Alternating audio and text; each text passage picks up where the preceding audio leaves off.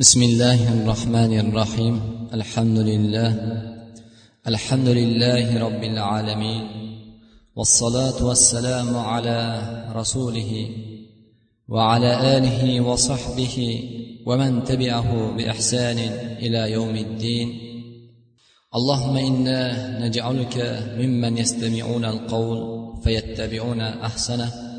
اللهم اجعلنا ممن توكل عليك فكفيته. ربنا افتح بيننا وبين قومنا بالحق وانت خير الفاتحين اما بعد السلام عليكم ورحمه الله وبركاته azizlar o'tgangi jumamizda til qalb tarjimoni qalbning ko'zgusi ekanligi haqida suhbatlashgan edik va haqiqatan ham inson rostgo'y bo'lishligi bu ya'ni sodiq bo'lishligi so'zida va amalida bu bandani xayri o'zi uchun allohni rahmati bo'lishligi dalolatidir. Shuning uchun ham alloh subhanava taolo falu sadaqulloha lakana lahum. Agar ular allohga sodiq bo'lganda edi ya'ni so'zlarida amallarida sodiq bo'lganda edi ana shu so'zlar va amallar qalbdagi niyatiga qalbidagi kechinmasiga muvofiq bo'lib sodiq bo'lganda edi lakana ular uchun yaxshi bo'lardi. Kim gapirayotgan so'zi qalbdagi so'zi bilan muvofiq chiqsa qilayotgan amali qalbdagi amali bilan muvofiq keladigan bo'lsa albatta bu inson sodiqinlardan bo'ladi. Va sodiqinlar siddiqlar bular payg'ambarlardan keyin keyingi maqomni ya'ni nabiylardan keyingi maqom mana shu siddiqlarga olloh muyassar qilar ekan. Darhaqiqat azizlar ko'pchiligimiz tilimizdan chiqayotgan so'zga e'tibor bermaymiz. Insonning bir so'zi ollohni rozi qilishi mumkin. Bir og'iz so'zi insonning rozi qilishligi mumkin. Ya'ni ollohni va insonlarni ham. Va bir og'iz so'z ollohning la'natiga va insonlarning nafratiga sabab bo'lishi mumkin. Shuning uchun ham inson gapirayotgan gapida to'g'ri so'zni so'zlashligi qalbdagi kechayotgan kechinmasini va qalbdagi niyatini birodarlar so'zida ham amalda ham e'lon qilishligi lozim bo'ladi. Va endi tilni saqlashlik demak inson har bir so'zida ba'zi bir holatda muomala uchun bir inson chiroyli shirin so'z ekan deyishlik uchun ko'p so'zlarni o'ylamasdan gapirib qolamiz. Lekin inson gapirayotgan gapi yolg'on bo'ladigan bo'lsa albatta bu munofiqlarning xislatidir. Kim yolg'on gapirar ekan albatta munofiqlikni shu odamdan kutsangiz bo'ladi. Kim rost so'zlar ekan bu inson albatta xayrlik sizga sodiq bo'lishligini kutamiz. Kim yolg'on gapirar ekan bir marta bo'lsa ham yolg'on gapirar ekanki birodarlar boshqa yomon xislatlarni bu odamdan kutavering sababi chunki rasululloh sollallohu alayhi vasallam aytdilarki kishi agar albatta e, yolg'on bu insonni gunohga boshlaydi. Kim yolg'on gapiribdi boshqa gunohlarni ham shu odamdan kutavering kim rost gapiribdi bu odamdan yaxshilikni kuting. U yo, yo rost gap bizni foydamizga bo'lsin yo zararimizga bo'lsin. Bu odamdan faqat yaxshilik kutishimiz kerak chunki inna sidq yahdi ilal bir albatta sidiq bu insonni yaxshilikka boshlaydi va yaxshilik insonni jannatga boshlaydi. Va albatta yolg'on insonni gunohga boshlaydi. Va albatta gunoh fojir fujurlar bu insonni jahannamga boshlaydi.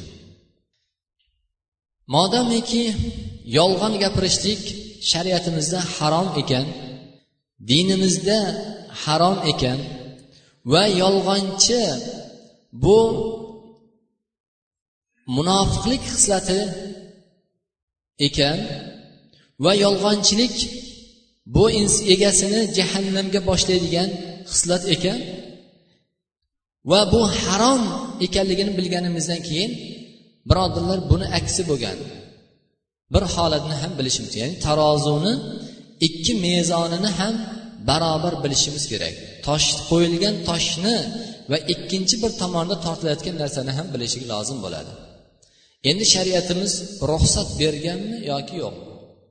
Yolg'on gapirishlikka. Buni ham bilishligimiz kerak. Shu ma'noda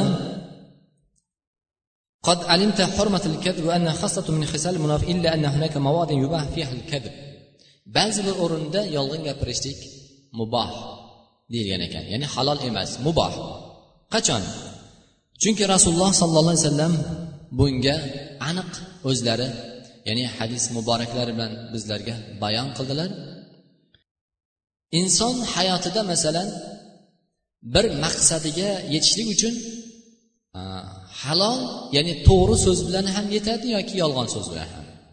Shunga erisha oladi. Mana shu holatida yolg'on gapirishlik harom bo'ladi. Ishim tezroq bitsin deb yolg'on gapirib aldab ketishlik albatta harom bo'ladi birodarlar. Endi o'zini haqqiga o'zini halol va haqqiga yetishlik uchun albatta shu yolg'on bilan keladi. Boshqani ololmaydi. Agar mana shu holatida o'sha haqqa yetishlik muboh bo'lsa o'sha haq yolg'on gapirishlik muboh bo'ladi. Yoki o'sha haqni olishlik vojib bo'lsa haqqa yetishlik maqsadiga vojib narsa bo'ladigan bo'lsa albatta yolg'on gapirishlik vojib bo'ladi degan ekanlar. Masalan bir odam bir zolimdan qochdi. Bir zolim masalan bir odamni o'ldirishlik uchun unga aziyat berish uchun quvib kelyapti. Mana shu holatida haligi ko'rib turgan odamdan mazlum ya'ni qochib kelayotgan odam yashiringan bo'lsa qochib quvib kelayotgan odamdan ko'rib turgan odamdan haligi quvib kelayotgan zolim so'rasaki falonchi ko'rdim deydigan bo'lsa bu yerda nima?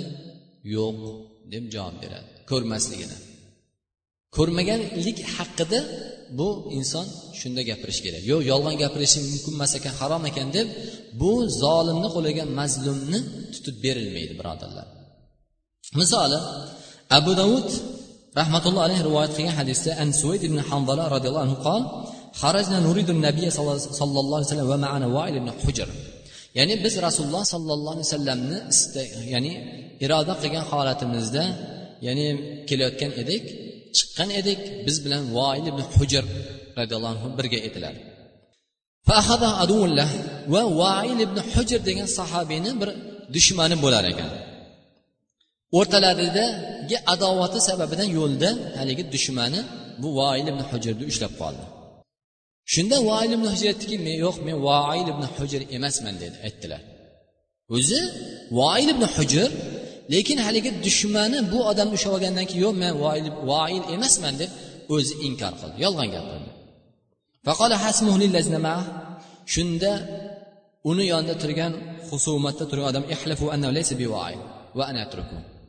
senlar qasam ichginki qasam ichinglar bu voil emas deb qasam ichsalaring ya'ni men bu voilni qo'yib yuboraman dedilar. Shunda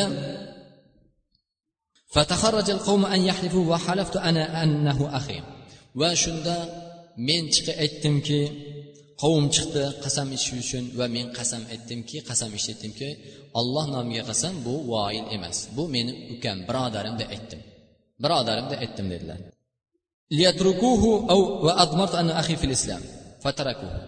bu bilan o'sha qo'yib yuborsin buni bunga ya'ni aziyat zulm qilmasin va bu voil ekanligini ichimda yashirdimda va islomdagi birodarim ekanligini nazarda tutib meni birodarim deb ukam ukam birodarim yo aka yo uka birodarim deb aytdim deb aytdilar haligi kishi ha bu voil emas ekan degan ma'noda qo'yib yubordi shu qasam ichishiga qasamiga muvofiq qo'yib yubordi فأتينا النبي صلى الله عليه وسلم فأخبرت أن القوم تخرجوا أن يحلفوا و men rasululloh sollallohu alayhi vasallamni oldilariga kelib ushbu bo'lgan voqeani aytdim. Va men qasam ichib aytdimki bu meni birodarim deb aytdim deb aytuvdilar rasululloh sollallohu alayhi vasallam. Sadaqda to'g'ri aytibsan al muslim ahul muslim. Musulmon musulmonni birodari birodaridir deb aytdilar. Shuning uchun shariatimizda e, yolg'on gapirishlik avvalo o'sha haqni o'sha maqsadimiz muboh bo'lsa birodarlar muboh bo'ladi agar o'sha haqqni olishlik ado qilishlik u haqqa yetishlik maqsadimizga yetishlik vojib bo'lsa yolg'on gapirishi vojib bo'ladi lekin bu yolg'onni aslida yo'q yolg'onni ishlatishlik mumkin emas ekan shu o'rinda ham qachon yolg'on gapirish mumkin bunga shariatimiz ruxsat bergan rasululloh sollallohu alayhi vasallamdan ما روى مسلم في صحيح أن أم كلثوم بنت عقبة رضي الله عنها أنها سمعت رسول الله صلى الله عليه وسلم وهو يقول أم كلثوم رضي الله عنها aytdilarki rasululloh sollallohu alayhi vasallamni eshitdim laysal kazzab allazi yuslihu baynan nas va yaqulu khayran va yanmi khayran ya'ni yolg'onchi bo'lmaydi odamlarni o'rtasini isloh qilgan odam va yaqulu khayran ya'ni va yanmi khayran shu yaxshilikni iroda qilgan holatida yaxshilikni ziyoda bo'lgan bo'lishligini xohlagan holatida odamlarni o'rtasini isloh qilgan odam yolg'onchi bo'lmaydi dedilar. Ikkita odam urushib qolgan bo'lsa dushman bo'lib qolgan bo'lsa bu ikkovini o'rtasida isloh qilishlik uchun yolg'on gapirgan odam yolg'onchi bo'lmaydi dedilar. Faqat yaxshi niyatda bo'lsa o'zini manfaati o'zini aqlliligini yoki bilimliligini yoki boshqa holatda emas va olloh uchun yaxshilikni iroda qildiki ikkovini isloh qilib qo'yishlik shu birodarlar shu insonlar bir biri bilan adovatda bo'lmasin degan ma'noda bo'lsa dedilar قال ابن شهاب راوي الحديث ولم أسمع يرخص في شيء مما يقول الناس كذب إلا في ثلاث uchta holatda yolg'on yolg'on bo'lmaydi al harb urushda ya'ni urushda dushman tomonni yengishlik uchun yolg'on gapirilgan odam yolg'onchi bo'lmaydi masalan vatanga yurtimizga masalan yurtga deylik dushman bostirib keldi. Shu yurtni himoya qilishlik uchun dushmandan yolg'on gapirishlik yolg'on bu odam yolg'on gapirsa bir odam yolg'on bo'lmaydi yolg'onchi bo'lmaydi. Yoki isloh baynanas odamlar o'rtasini isloh qilish bo'lsa. Bir biriga muhabbatini bir biriga do'stligini birodarligini ziyoda qilish uchun yolg'on gap gapirgan bo'lsa ham bu yolg'onchi bo'lmaydi va hadis va erkak kishi ayolini masalan o'rtada oilada janjal tushadi. Shu yolg'onni gapirmasa janjal tushadi. Mana shu holatda erga mumkin. Va ayol kishi yolg'on gapirsa gapirmasa er bilan o'rtada oilada janjal ittifoqchilik ko'tariladi. Bu holatda mumkin degan ekan. Lekin birodarlar bilishimiz kerakki shu yolg'onni asli bo'lishi kerak. Umuman yolg'on bo'lmagan so'zni emas. Va albatta ayolni yolg'on gapirishi ekan deb erkak kishi yolg'on e, tinchish kerak ekan deb bo'lmagan yolg'on emas unga oilani tinchlik uchun bo'lmagan yolg'onni yoki ayol kishi ham erida shu oilani ushlab qolishi uchun bo'lgan yolg'onni gapirish emas birodarlar. Buni ham o'zini haddi hududi bor chegarasi bor. Demak undan keyingi mavzumiz azizlar muomala masalasi hammalarimizga ma'lumki dinimiz avvalo alloh subhanava taolo bizlar uchun bu qur'onni sunnatni payg'ambarni yubordi. Va dinimiz sizu bizlarga e'tiqod masalalarini ibodat masalalarini muomala masalalarini ham o'rgatdi. Shuning uchun ham bu dinning rivoji taraqqiyoti va voqeligi ba'zi bir dinga o'xshab faqat dindor odam bu dinga kirgan odam ibodat bilan mashg'ul bo'lishligi butun dunyoni tark qilishligi mol dunyoni. Yoki bo'lmasa ahli ayoldan ketishligi bunaqa narsaga buyurmadi. Bu din tirik insonlar uchun.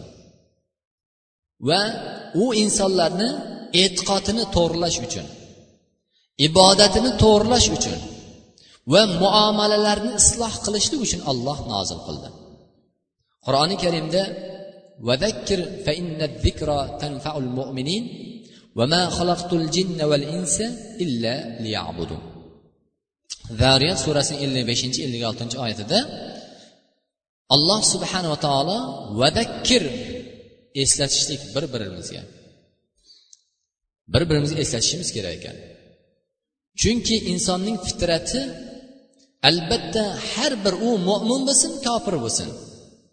Insonning fitrati yaxshi narsani ma'qullaydi va yomon narsadan hazar qiladi. Agarchi shu odamni o'zi shu gunohni yomon narsani haromni qilib turgan bo'lsa ham lekin tabiati shu narsani yoqtirmaydi. Halol yaxshi narsani yoqtiradi. Modomiki shundoq ekan dinimiz bir birlarimizga eslatib turishligini buyurdi.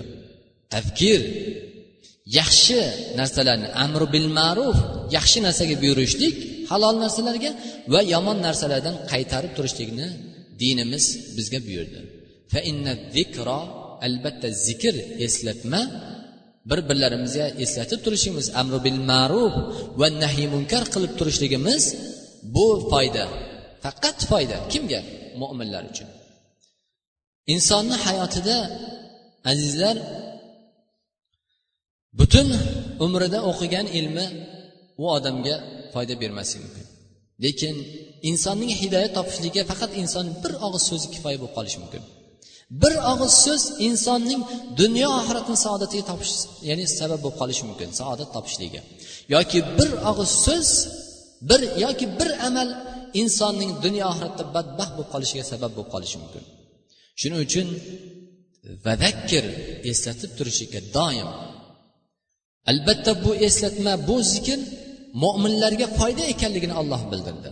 Shuning uchun ham bu ummatni afzal qilib qo'ydi.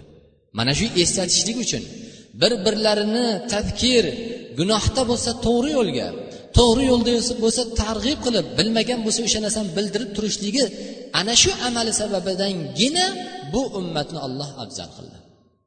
Va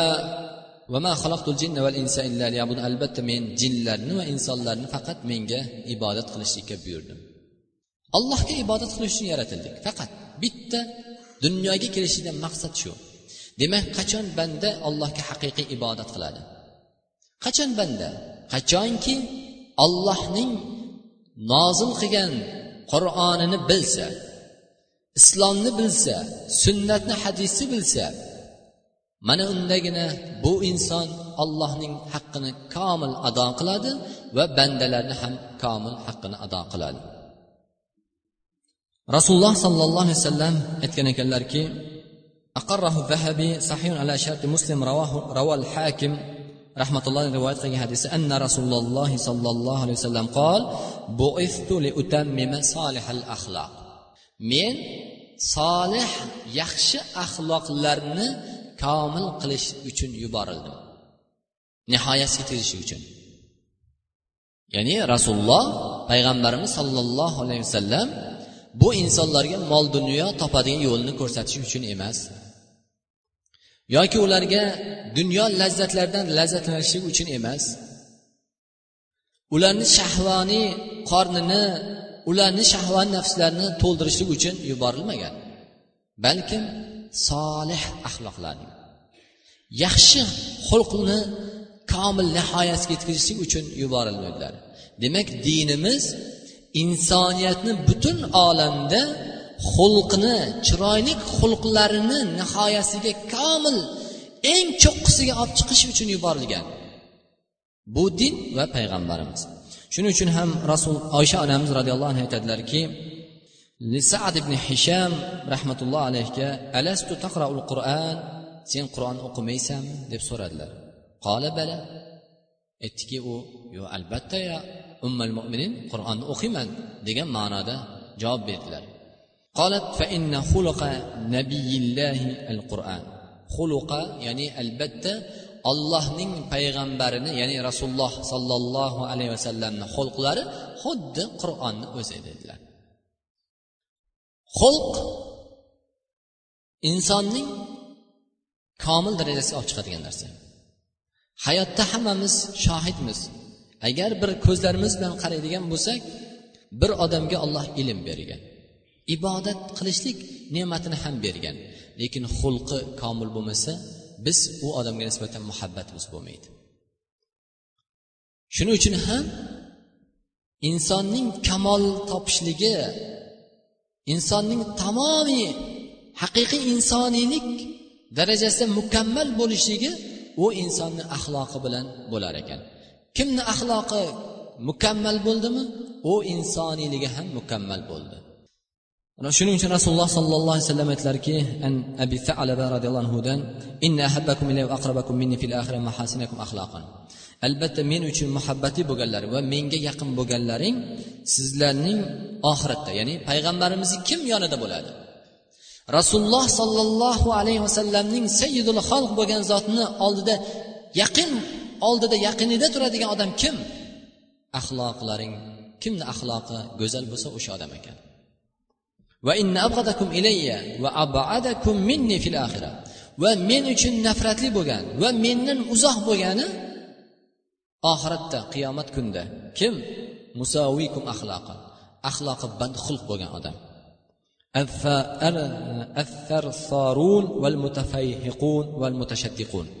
Ya'ni og'zini to'ldirib gapiradigan o'zini fasohatini notiqligini ko'rsatib takalluf qiladigan mashaqqat chekadigan odam dedilar. Ham axloqi yomon va ham shunaqangi so'z so'zlaydigan odam ekan. Shuning uchun azizlar inson go'zal xulqqa bo'lishligi va kerak bo'lganda gapirib keraksiz holatda tilini tiygan odam rasulullohni eng yaqinlari bo'lgan qiyomat kunida oxiratda u zotning suhbatlaridan bahramand topadigan u zotni yonida turishlik ne'matiga musharraf bo'lgan odam mana shu ekan روى أيضا عن عروة بن الزبير رحمه الله تعالى قال مكتوب في الحكمة فليكن وجهك بسطا وكلمتك طيبة تكون أحب إلى الناس من الذي يعطيهم العطاء ya'ni orvata ibn zubayr aytgan ekanlarki hikmatda shundoq yozilgan ekan boston ya'ni insonni yuzi mabsud chiroyli ya'ni qovog'ini solib emas ochiq chehrada bo'lishlik yuzing ochiq chehrada bo'lsin Ya'ni ochiq chehra bo'lishligi insonning jamoli. Va so'zing chiroyli bo'lsin. Mana shu insonlarning qalbida muhabbat topishligiga sabab bo'ladi. Bu muhabbat odamlariga mol dunyosini ulashib xayr sadoqatlar qilib yurgan odamdan ham ko'ra yaxshiroq bo'ladi bu muhabbat. Ustun bo'ladi.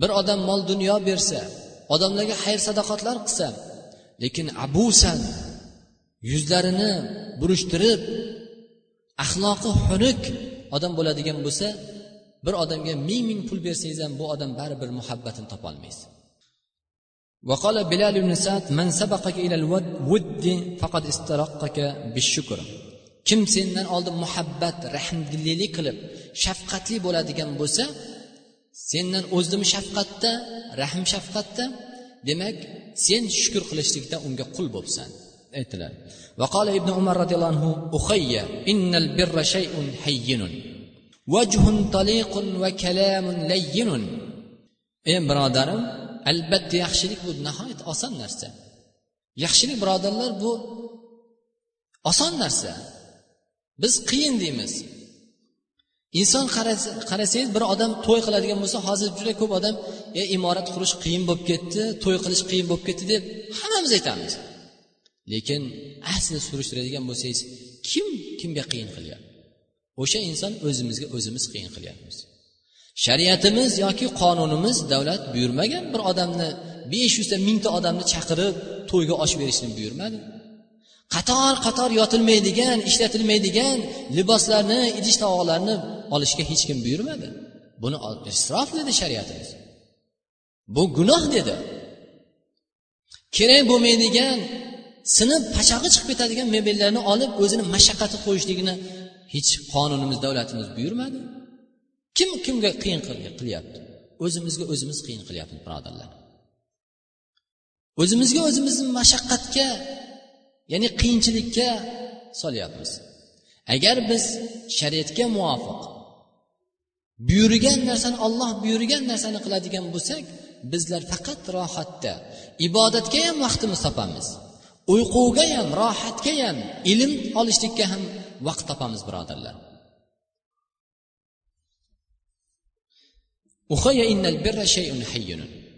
Shuning uchun yaxshilik bu oson narsa. Yaxshilik bu oson. Qiyin emas. vajhun taliqun va kalamun layin ya'ni ochiq chehra va kalamun layin muloyim so'z وقال ذنون مصري خمسة من أعلام أهل الجنة ya'ni jannat ahllarining ya'ni alomatlari beshta narsa ekan vajhun hasan ya'ni chiroyli yuz ya'ni ochiq chehra bilan bo'lgan yuz Va qalbun rahimun va rahmdil bo'lgan qalb. Ahli jannatlarni alomatlari. Mana shu alomatlarga kim muyassar bo'libdi? Bu ahli jannat. O'sha mo'min odam o'sha musulmon jannat ahllaridan ekan. Vajhun hasan chiroyli ochiq chehra. Va qalbun rahim qalbi rahmdil. Shafqatli qalb egasi. Va lisanun latifun va chiroyli shirin so'z. Til ega bo'lsa. Vajtinabul maharim va haromlardan qochgan saqlangan odam. Va xuluqun hasan va chiroyli xulqli bo'lgan odam. Jannat ahllarini sifatlari va alamat ahlinnar hamsa va jahannam do'zax ahllarini alomatlari beshta u ham. Suul xulq xulqi yomon. Axloqi badxulq bo'lgan odam. Yurishidami turishidami muomalasidami kim bo'lishidan qat'iy nazar? Bu birodarlar mo'minlarga xos narsa. Mo'minlar uchun musulmonlar uchun. Va qalbun qosin qalbi qattiq odam. Qalbida rahm shafqat yo'q. Mehr muhabbat yo'q qalbida. Rahm degan narsa yo'q. Va irtikabul maasi va gunoh qiladigan odam. Gunohkor. Va lisanun g'alidun va qalb tili qattiq odam. Tili qattiq bo'lgan odam. Ya'ni shirin so'zlikni bilmaydi. Birovga gapirsa qattiq so'zlaydi. Qalbini og'ritadi. Va va yuzini burishtirib qovog'ini soladigan. Va e, va min husn xulq demak husn xulqlarni bir qator sanab o'tgan.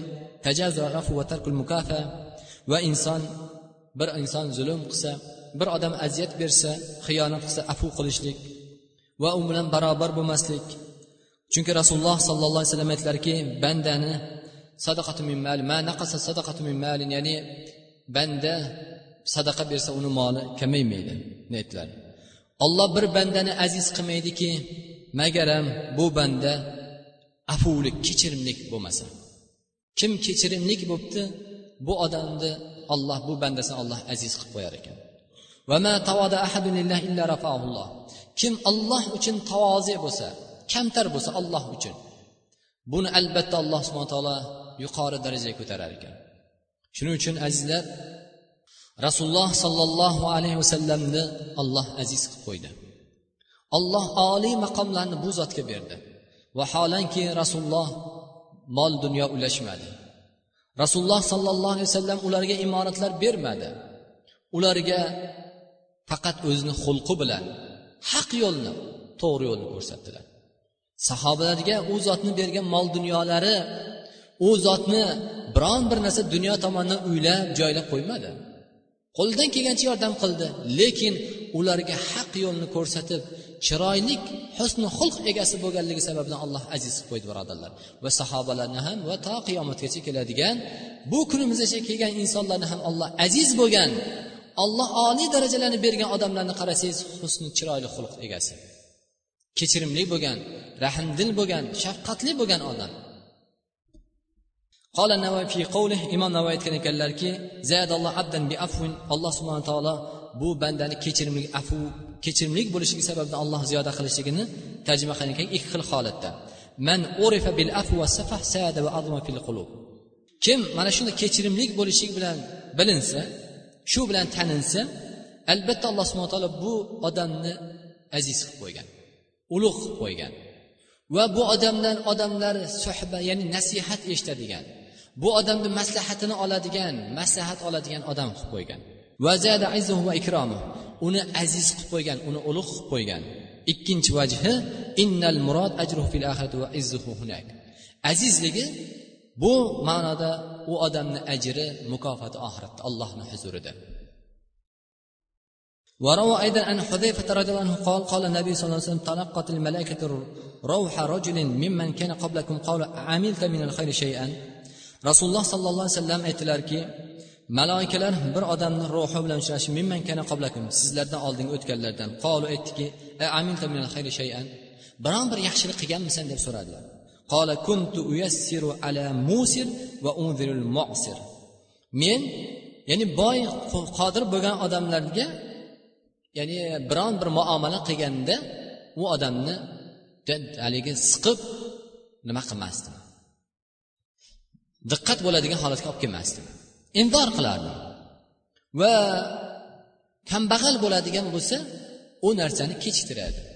Yoki boshqa bir rivoyatda kechivorardi bir odam boy odam bo'lsa bir odam qarz olgan bo'lsa shuni qodir bo'lgan bo'lsa meni qarzimni bergin deb uni qisdan siqib diqqat qilmasdi. Va kambag'al bo'ladigan bo'lsa agar qodir bo'lsam kechivorardim shu yaxshiligim deb aytgan ekanlar. Va bu odamdan ham alloh subhana taolo gunohlarini keyin kechirgan ekan. Demak ravo abu davud an iyad ibn hammar roziyallohu anhu qol qola rasululloh sollallohu alayhi vasallam avha ilayya an tavadu alloh subhana taolo menga vahiy qildi bir birlaringga mutavodi bo'lishlikka bir birlaring kamtar bo'lishlikka.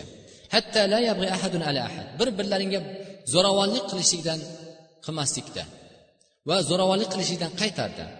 Vala yafar ahadun ala ahad. Bir birlaringga faxrlanmaslikda. Ya'ni alloh subhana taolo nozil qildi. Mo'min mo'minga faxrlanmasligi kerak. Mo'min mo'minga ya'ni zo'ravonlik qilishligi kerak emas. Bu narsa harom gunoh bo'ladi. Qarangki umar roziyallohu anhu siyratlarini bir qaraydigan bo'lsak imom hakim rivoyat qilgan hadislarida xaraja umar roziyallohu anhu ila sham va mana abu ubayda tariq rahmatullohi alayhi aytadilarki umar roziyallohu anhu shomga safar qilgan ekanlar. U kishi bilan abu ubayda roziyallohu anhu birga ekanlar. Ala mahadatin ya'ni tuyada kelayotgan va umar ala naqatin lahu. Ya'ni umar roziyallohu anhu o'zining tuyasini ustida kelayotgan ekan bir suvdan kechib o'tish kerak ekan. Shunda umar roziyallohu anhu haligi tuyadan tushib oyoq kiyimini yechib oyoq kiyimini yelkasiga tashlab suvdan kechib o'tgan ekanlar.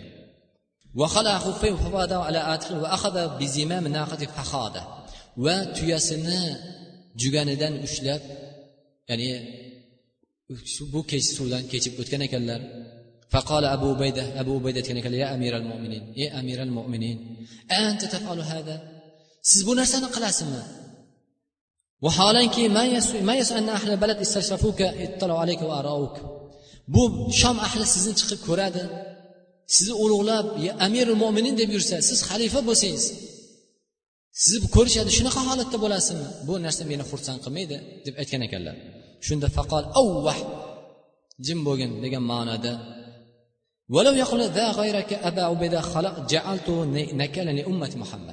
agar sendan boshqa kishi aytganda edi bu so'zni men ummat muhammad sallallohu alayhi vasallamga seni azoblab ibrat qilib qo'ygan bo'lardim degan ekanlar biz shunaqa bir xor qavm edik alloh xor edik mazlul edik kamsitilgan bir qavm edik lekin alloh bizani islom bilan aziz qildi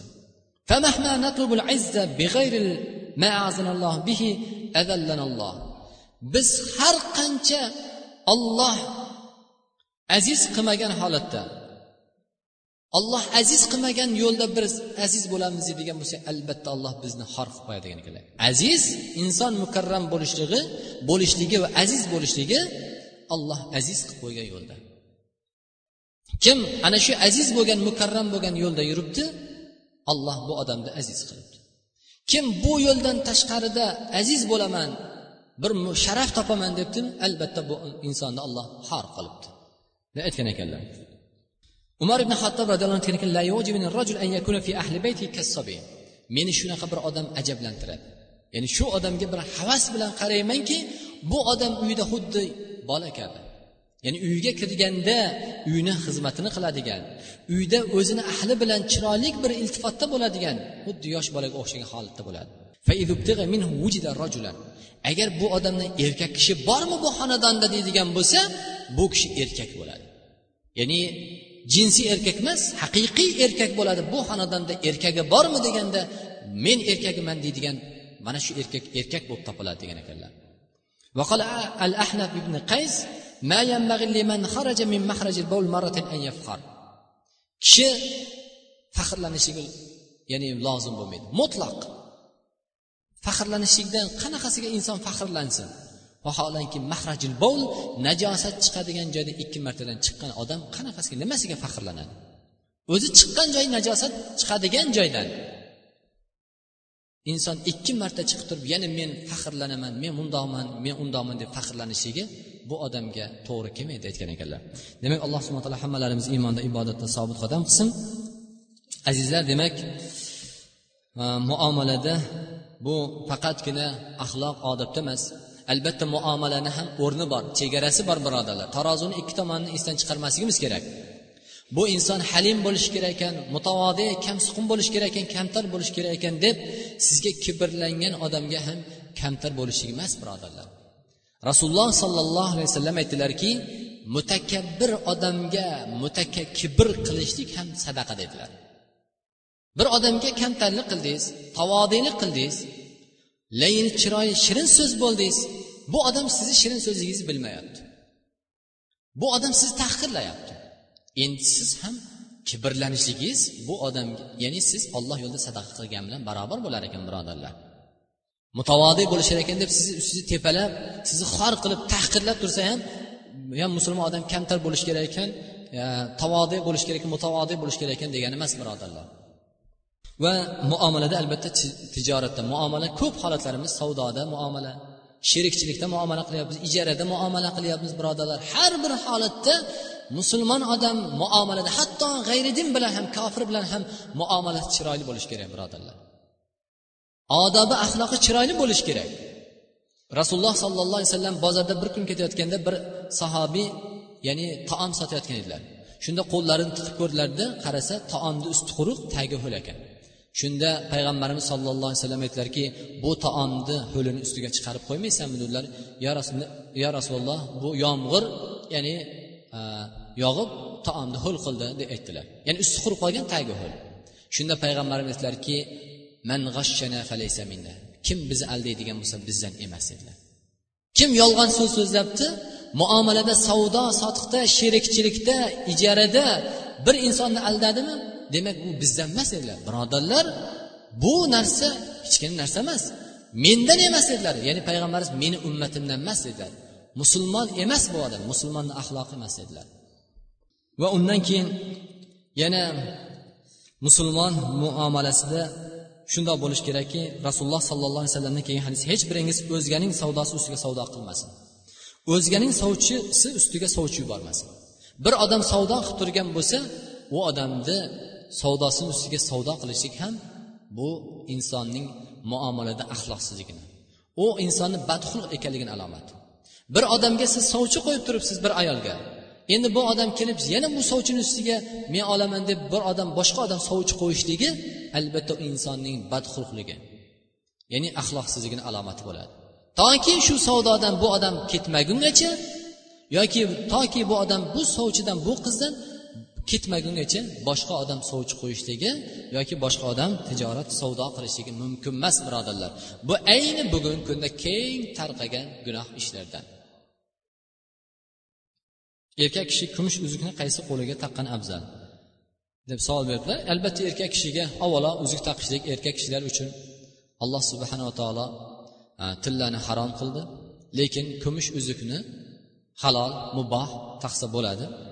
Lekin buni qaysi qo'lini ixtiyori yo'q lekin afzal o'ng qo'liga taqqani afzal bo'ladi.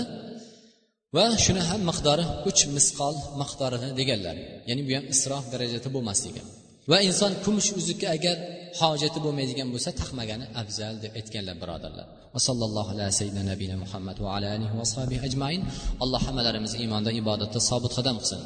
O'zini haq yo'lidan alloh adashtirmasin. Alloh bir birlarimizga bo'lgan muomalarimizni o'zingga bo'lgan muomalamizni alloh bizlarni husni xulq egasi qilgin. Va parvardigor bizlarga chiroyli xulqli qilgin. Tillarimizni shirin yuzlarimizni ochiq qilgin. Va qalblarimizni rahmlik shafqatli qilgin parvardigora bir birlarimizga alloh hammalarimizni qalblarimizni dinga sobit qilgin xonadonlarimizni tinchlik xotirjamlik qilgin yurtimizni ham vatanimizni tinchlik xotirjamlik qilgin musibatlardan ofatlardan dushmanlardan fitnalardan alloh o'zing asragin rahbarlarimizni xayrli shar'iy ishlarga alloh rivoj bergin اللهم اجعل خير عمرنا آخرة وخير عملنا خواتمة وخير أيامنا فيه يوم نلقاك وصلى الله على سيدنا نبينا محمد برحمتك يا أرحم الراحمين